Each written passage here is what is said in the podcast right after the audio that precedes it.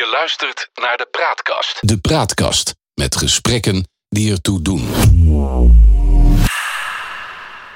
Dit is erfelijkheidsleer voor ongelovigen. Een productie van de Praatkast met professor Dr. Bas Zwaan van de Wageningen Universiteit en Research. Ook deze aflevering komt mede tot stand onder redactie van Chris Wolters. Dankjewel daarvoor, Chris. Heb jij vragen of onderwerpen die je graag door Bas Zwaan behandeld wil hebben? Stuur een mail naar info.praatkast.nl of stuur een app via onze homepage. En als je nou een beetje een leuke stem hebt, mag je hem zelf inspreken via de WhatsApp. Hartelijk welkom weer, Bas. Ja, hallo. Um, allereerst een hele flauwe vraag. Waar staat DNA nou eigenlijk voor? Desoxynucleotinezuur. En A staat voor acid. Dus het is... Het zuur. Uh, ja, precies. En de Duitsers die hebben het ook wel over DNS. Ja. En de Fransen, uh, die hebben ook volgens mij die letters een beetje vastgespot. Maar iedereen heeft DNA in Ja. het Engels. In het Engels gewoon, ja. Ehm, de- omdat we de eerste aflevering opgenomen hebben en, en, en toen we die terugluisterden, toen dachten we een beetje, ja, het is af en toe wel een beetje een bende qua volgorde.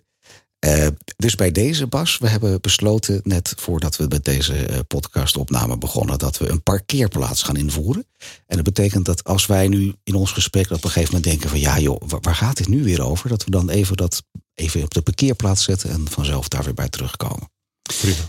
Ehm, genetica, erfelijkheidsleer, is niet echt nieuw. Eh, genetica is een tak van de wetenschap die al geruime tijd bestaat, zo minst midden eh, 19e eeuw. Wel grappige deze. Ehm, aanvankelijk waren er wonderlijke ideeën, zoals het idee dat jongetjes kwamen uit de rechter teelbal en meisjes uit de linker. Dat zette de poort open naar de eerste vorm van geboorteplanning. Het, het advies verscheen in 1892, nog in het boek van The Essentials of Consumption and How to Prevent It van eh, eh, Ida Ellis of Arda Ellis. Eh, breng een strak elastiek aan rond het testikel die u niet wenst te gebruiken. Ja, dit is voor mij ook nieuw, moet ik eerlijk Oh. zeggen. Zo leer ik ook nog. Dus, dus ik wou bijna vragen, wer- werkt dat Bas? Of is dat, eh, Het lijkt me vooral erg pijnlijk. ja, die indruk had ik ook al, ja. Ja. Maar even serieus, we gaan even naar eh, Mendel in eh, de 19e eeuw. Die, die, die beste man heeft geleefd tussen eh, 1822 en 1884. Weet jij wel een beetje wie, wie, wie Mendel was? Ja, ja Mendel wordt eh, wel gezien als een van de, ja, de echte grondleggers van de, van de erfelijkheidsleer. Omdat hij met zijn proeven echt eh, ja, patronen beschreef over eh, hoe de ouders en de nakomelingen eruit zagen en zich tot elkaar verhielden. Ja.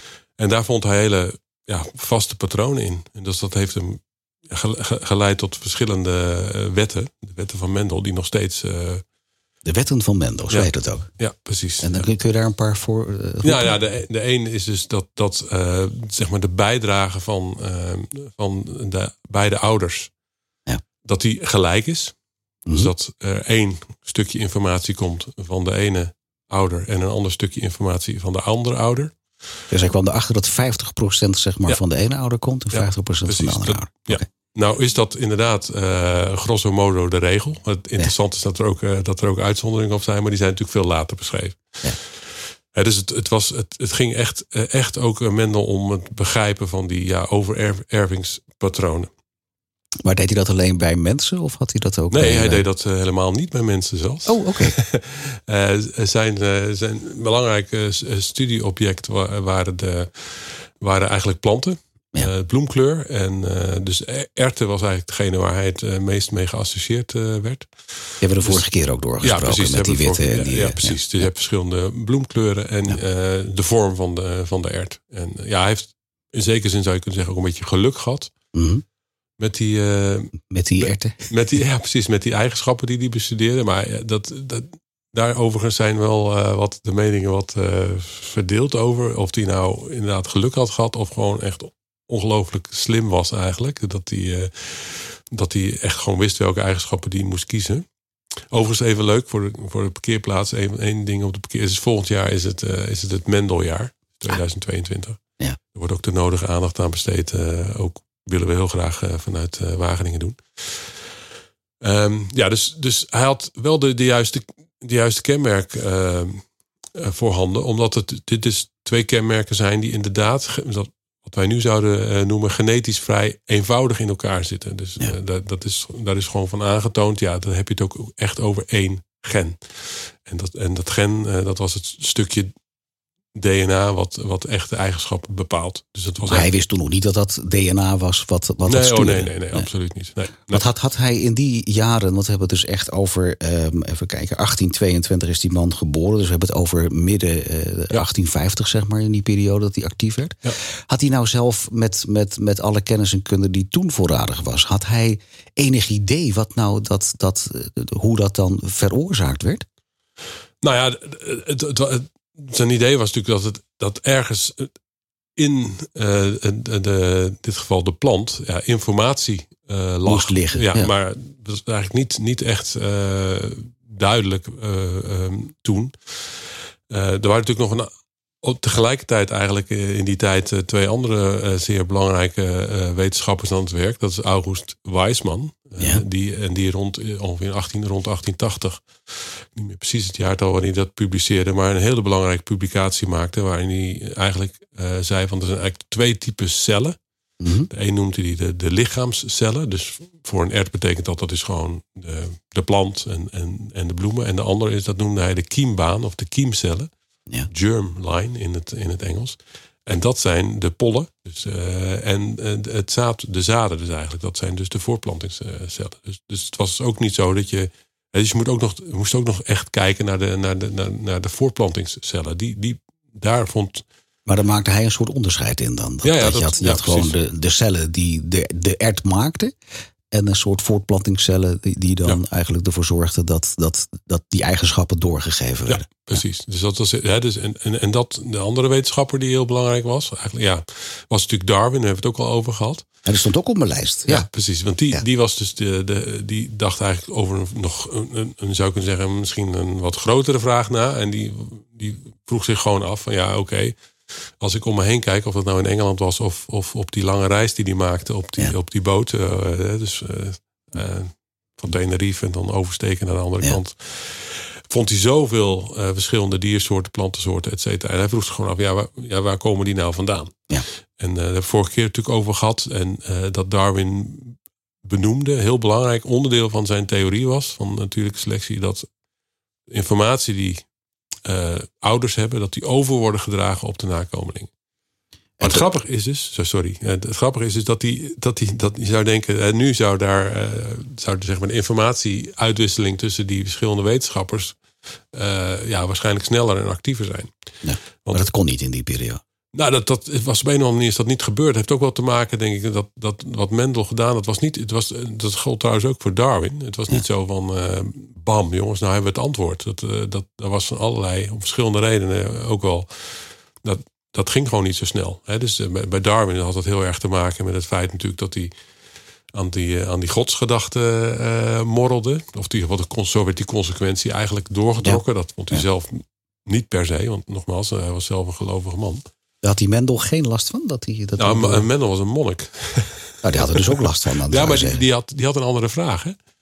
Die, die, was, die, die zag gewoon ook variatie. Maar ja, dat, hij, dat was natuurlijk heel erg mechanistisch. Hij vroeg niet de vraag van. eh, hij, hij, hij ging er gewoon vanuit, denk ik. eh, ja, zo heeft God het bedoeld en gemaakt. Eh, dus dat was een heel ander soort. En, en een ander wel, een niet heel subtiel, eh, wel wezenlijk on- onderscheid waarom ze, zelfs als ze elkaar misschien zouden tegen zijn gekomen, ook niet per se eh, hadden gezegd, ah, zo zit het dus, is omdat Darwin eigenlijk, eh, ja, die, die, hè, die wet van die geleidelijkheid, eh, herinnert de luisteraar zich nog wel. Hè? Dus dat het allemaal, als je maar genoeg tijd hebt en zelfs Ja. een heel kleine verandering kan toch uiteindelijk tot, leiden tot een, tot een eh, enorm verschil. eh, en die soortvorming. Dus, eh, terwijl, ja, Mendel, die had het eigenlijk gewoon over hele grote veranderingen. Dus de, de, de kleur van de, van de bloemen, Ja. wit of rood. Eh, de vorm van de ert, eh, glad of eh, gerimpeld. Dat, dat, dat waren heel ander soort Heel ander soort vragen die ja, die- precies. die en het leek ook een werden. andere soort mechanisme te zijn. Ja. En, en nu, en dat gebeurde zo, eh, hè, dus, dus het wordt ook wel gezegd de herontdekking van de Mendelse wetten. En dat is rond 1900. Dat is echt ook zo. Hè? Mensen Ja. die gingen dus terug naar de, en die vonden, hé, hey, dat is wel heel gaaf werk. En dat Ja. gecombineerd met, met, met andere genetici zoals eh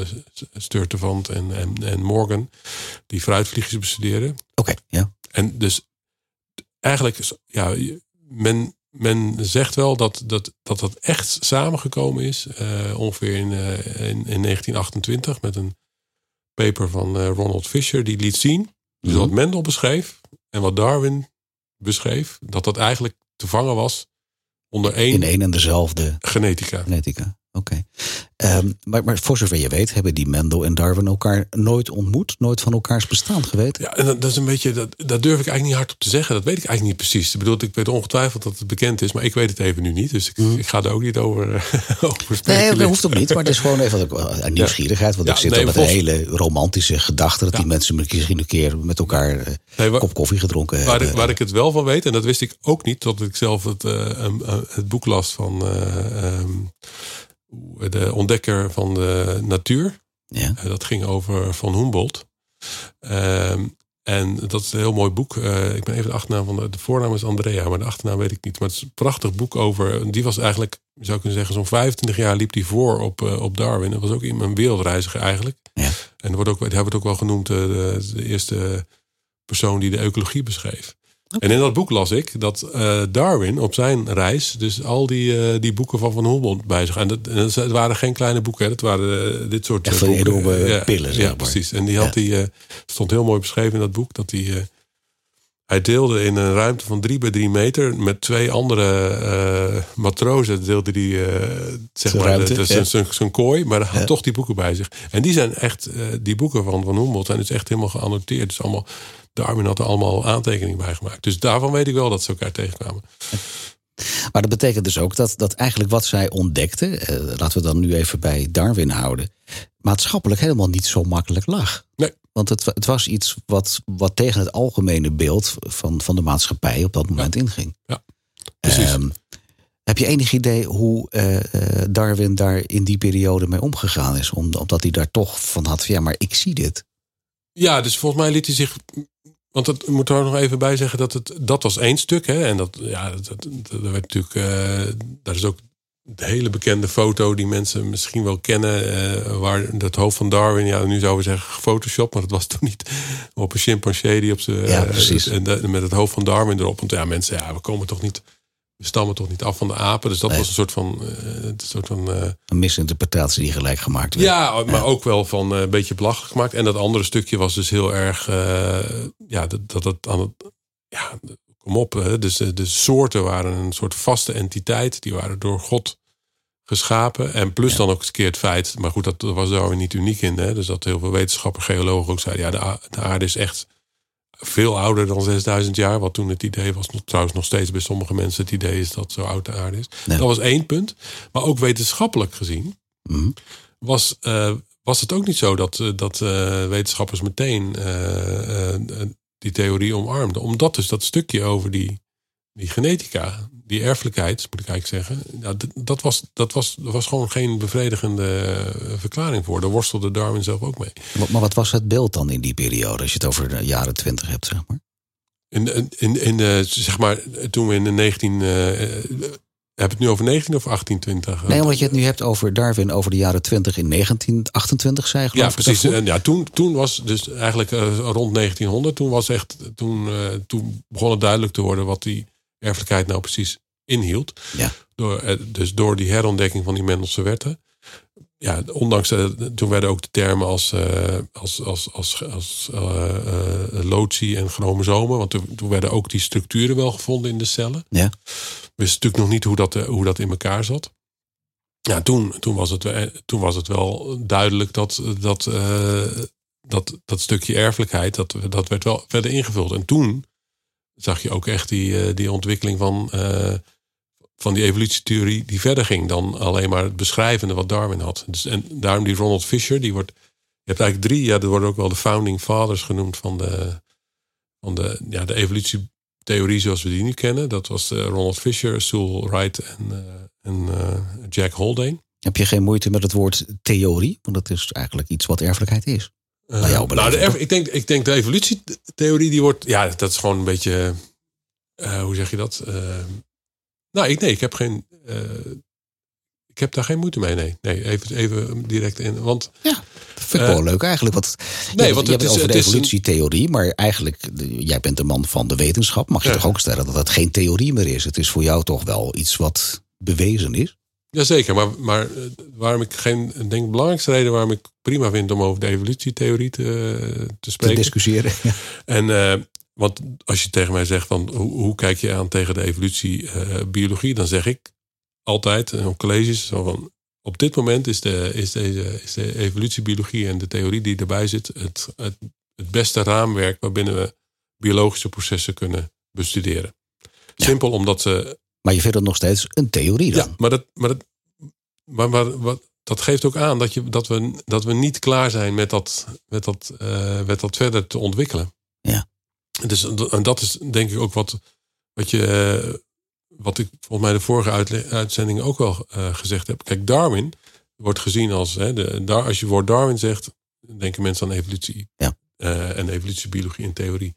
Maar Darwin beschreef maar één van die belangrijke krachten, namelijk natuurlijke selectie. Ja. En die andere drie heren die ik eh, noemde, en ook alle mensen die nog nog steeds aan werken, hebben ook Mhm. laten zien dat, eh, dat die toevalsprocessen en, en hoe ontstaat variatie, dus dat het proces van mutatie en ook het proces van, van recombinatie, dus eh, het door elkaar husselen van het genoom ehm, eh, tijdens, eh, eh, tijdens voortplanting, Ja. dat zijn echt minstens zo belangrijke eigenschappen.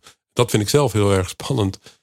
Eh, dus in, in, in, er komen nog steeds mensen die, hè, die hebben. Die discussie is echt best wel levendig. Hè? Dus eh, er zijn ook mensen van: oké, is het niet tijd dat we een soort van. eh, opnieuw moeten kijken van wat er nou eigenlijk. wat nou precies die evolutietheorie is. Hè? Dus dat, er zijn boeken geschreven die heten dan die Extended Synthesis. Dus dat betekent alle nieuwe kennis die we hebben opgedaan. Ja. Want we komen denk ik zo ook nog wat te spreken over ja, wat is nou eigenlijk precies dat erfelijke materiaal.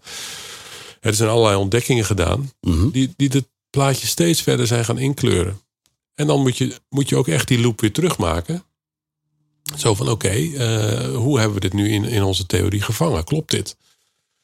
Eh, en als het niet klopt, ja, dan betekent dat we misschien een aantal van onze, eh, van onze aannames moeten aanpassen. Ja, maar dan dat bekijk bevalt, jij het van, dus... dat bevalt me aan het woord theorie. Ja, maar dat, is, dat, dat laat dan eigenlijk naar, naar mensen die, die, die hele andere theorieën erop nalaten.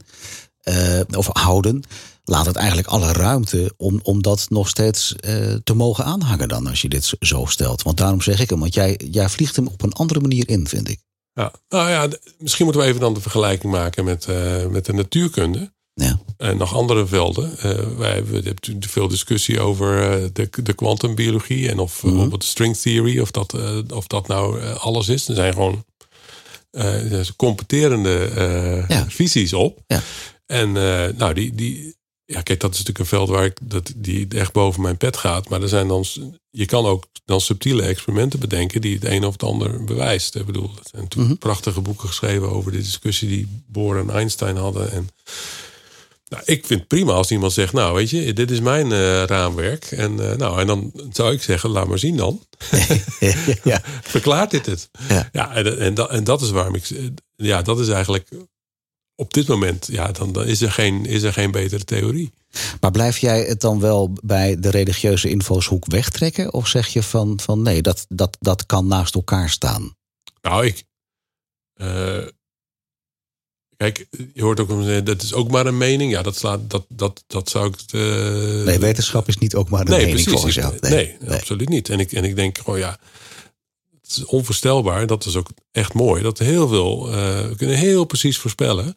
Mhm. Eh, vooral, nou COVID komen we weer op terug. eh, hè, dus die nieuwe eh, variant die binnenkomt. Ja, Ja. Dat je, ja, dat je, we kunnen echt heel nauwkeurig voorspellen hoe lang dat duurt. Ja. Als we een aantal parameters weten, kunnen we perfect voorspellen hoe lang het duurt voordat die in heel Nederland zit. Mhm. Dat is de, aan de basis daarvan. En allemaal de evolutionaire modellen die, Ja. die, die terugvertaald zijn ook nog eens een keer naar mathematische modellen. En dat bijvoorbeeld wat het RIVM gebruikt en noem maar op. Dat zijn allemaal afgeleiden daarvan. Nou, als, als een nou even, als iemand anders zegt, dit is mijn theorie. Ja. En het verklaart het, beste. Mhm. Dan eh, nog beter. Ja, dan is het zaak om de evolutie, eh, biologie de, de deur uit te gooien. Maar dat zover zijn we nog niet. En het ziet er ook niet naar uit dat we daarbij gaan komen, mag ik aannemen, als ik jouw verhaal zo hoor. Eh, nee, dat nee, denk ik niet. Ja, ik heb wel eens een gedachte-experiment gedaan hoor. Ik bedoel, dat, ja, weet je, stel nu dat er, dat er morgen een paper verschijnt die, die, die een aantal van onze grondbeginselen onderuit trekt. En ja, dan is het natuurlijk super spannend. Ja. Dat zou je alleen maar leuk vinden als je Nou die ogen van je ziet. Ja, Van, Ja, ja. spannend, gebeurt wat. Ja. Hey, maar nog nog even terugkomend op die meneer Mendel en eh, Darwin. Eh, die hadden eigenlijk de eerste aanzet gegeven tot, tot, tot wat we nu erf- erfelijkheidsleer noemen. Eh, daar speelt toeval een grote rol. Eh, maar mag je dan ook stellen dat, dat, dat er heel veel pogingen van de natuur zijn die eigenlijk uitvallen, die tot niks leiden? Is dat zo simpel gedacht? Mag dat? Eh, ja, ik denk, ik denk, denk, denk dat er heel veel veranderingen zijn in, het, in ons eh, genetisch materiaal. Maar niet van ons, maar om ons heen. In het Ja, algemeen. Ja. Die, eh, ja, ja dat, dat, die, zullen, die zullen niet een, een, een vruchtbare bodem eh, vinden. De meeste verdwijnen gewoon weer door, door die toevalsprocessen. En als, je- als je dat dan naast elkaar houdt, hoeveel van die, van die, van die eh, eh, ja, pogingen van moeder natuur zijn er die nergens toe leiden? Ten opzichte van wat wel blijft staan, omdat de omgeving daardoor leidt? Is ja, nou, ik denk, ik, dus, dus als, het, als die verandering in, in het erfelijk materiaal, in het DNA, helemaal wat wij dan noemen neutraal is. Dat Ja. wil zeggen dat die geen effect geeft op de waarschijnlijkheid van overleven of de waarschijnlijkheid van voortplanten. Dan is de kans dat die specifieke variant uiteindelijk de hele populatie overneemt. Mhm. En dan gaan we even wat wiskunde doen. Is 1 gedeeld door 2n. Waarbij n het aantal eh, ehm, kopieën van dat ene eh, gen, eh, gen is in de populatie. En nu verwacht jij dat de gemiddelde luisteraar nog weet Ja. waar we het over Nou, hebben. dan gaan, we het, dan gaan we het anders zeggen. Stel, we hebben een miljoen mensen. Ja, En in één van die eh, mensen ontstaat een verandering die verder geen effect heeft, maar wel je DNA verandert. Dan de kans dat die de hele populatie uiteindelijk overneemt, is 1 gedeeld door 2 miljoen. dus is verwaarloosbaar klein, zeg maar. Ja. Precies. Het wordt Leuk. interessanter Ja. als die mutatie een effect heeft op de waarschijnlijkheid dat je voortplant eh, of overleeft. Nou, Ja. de meeste hebben we vorige keer volgens mij over gehad dat, dat de meeste mutaties, de meeste veranderingen Ja. nadelig zijn. Mhm. Nou, hoe groter dat nadeel is, ja, hoe kleiner de kans dat je het vindt. Het meest extreem is dat een, een mutatie, eh, ja, wat we dan noemen letaal, dus dodelijk is. Dus die zie je überhaupt niet. Die, valt, die valt gewoon Ja, weg, zeg maar. Ja. En, en de kans dat, ehm, dus als het een gunstig effect heeft, en dat zijn dus die, ja, dus eh, bijvoorbeeld een aanpassing, noem maar Ja. wat, eh, er ontstaat een mutatie in de menselijke, eh, waardoor je resistent bent tegen een COVID-infectie. Mhm. Dan is de kans dat die mutatie uiteindelijk de populatie overneemt, gefixeerd raakt. En dat is ook weer, dat heeft Haldane heel mooi uitgerekend. Dat is twee keer het, twee keer S. En S staat voor de selectiedifferentiaal. Dus stel je hebt een 10% hogere kans om te overleven. Dan is de kans dat zo'n mutatie overleeft, is dan, is dan 20%. Dus zelfs als dat een heel groot voordeel is, dan nog zul je veel van dat soort mutaties uiteindelijk het niet maken. Die vallen weer weg dan. Die vallen er weg. Maar gelukkig hebben we elke generatie weer een kans. Dus, en dat is wat, precies wat Darwin dus bedoelde. Hè? Dus Ja. eh, als je maar genoeg tijd hebt, ja, dan Dan, is altijd goed. Dan, dan gebeurt er heel veel in, in die factor tijd. Oké, dankjewel. We gaan eh, bij de volgende aflevering gaan we het hebben over de ontdekking van eh, DNA in 1953. Eh, je luistert naar eh, Erfelijkheidsleer voor Ongelovigen. Een productie van de Praatkast met professor Dr. Bas Zwaan van eh, de Wageningen Universiteit en Research. Heb je vragen of opmerkingen die je graag door Bas beantwoord wil hebben? Stuur een mail naar info.praatkast.nl of stuur een app via onze homepage. En als je het leuk vindt, mag je hem nog zelf inspreken ook. Dankjewel voor deze aflevering, eh, Bas. Graag tot de volgende. Ja, tot straks. Oké. De Praatkast.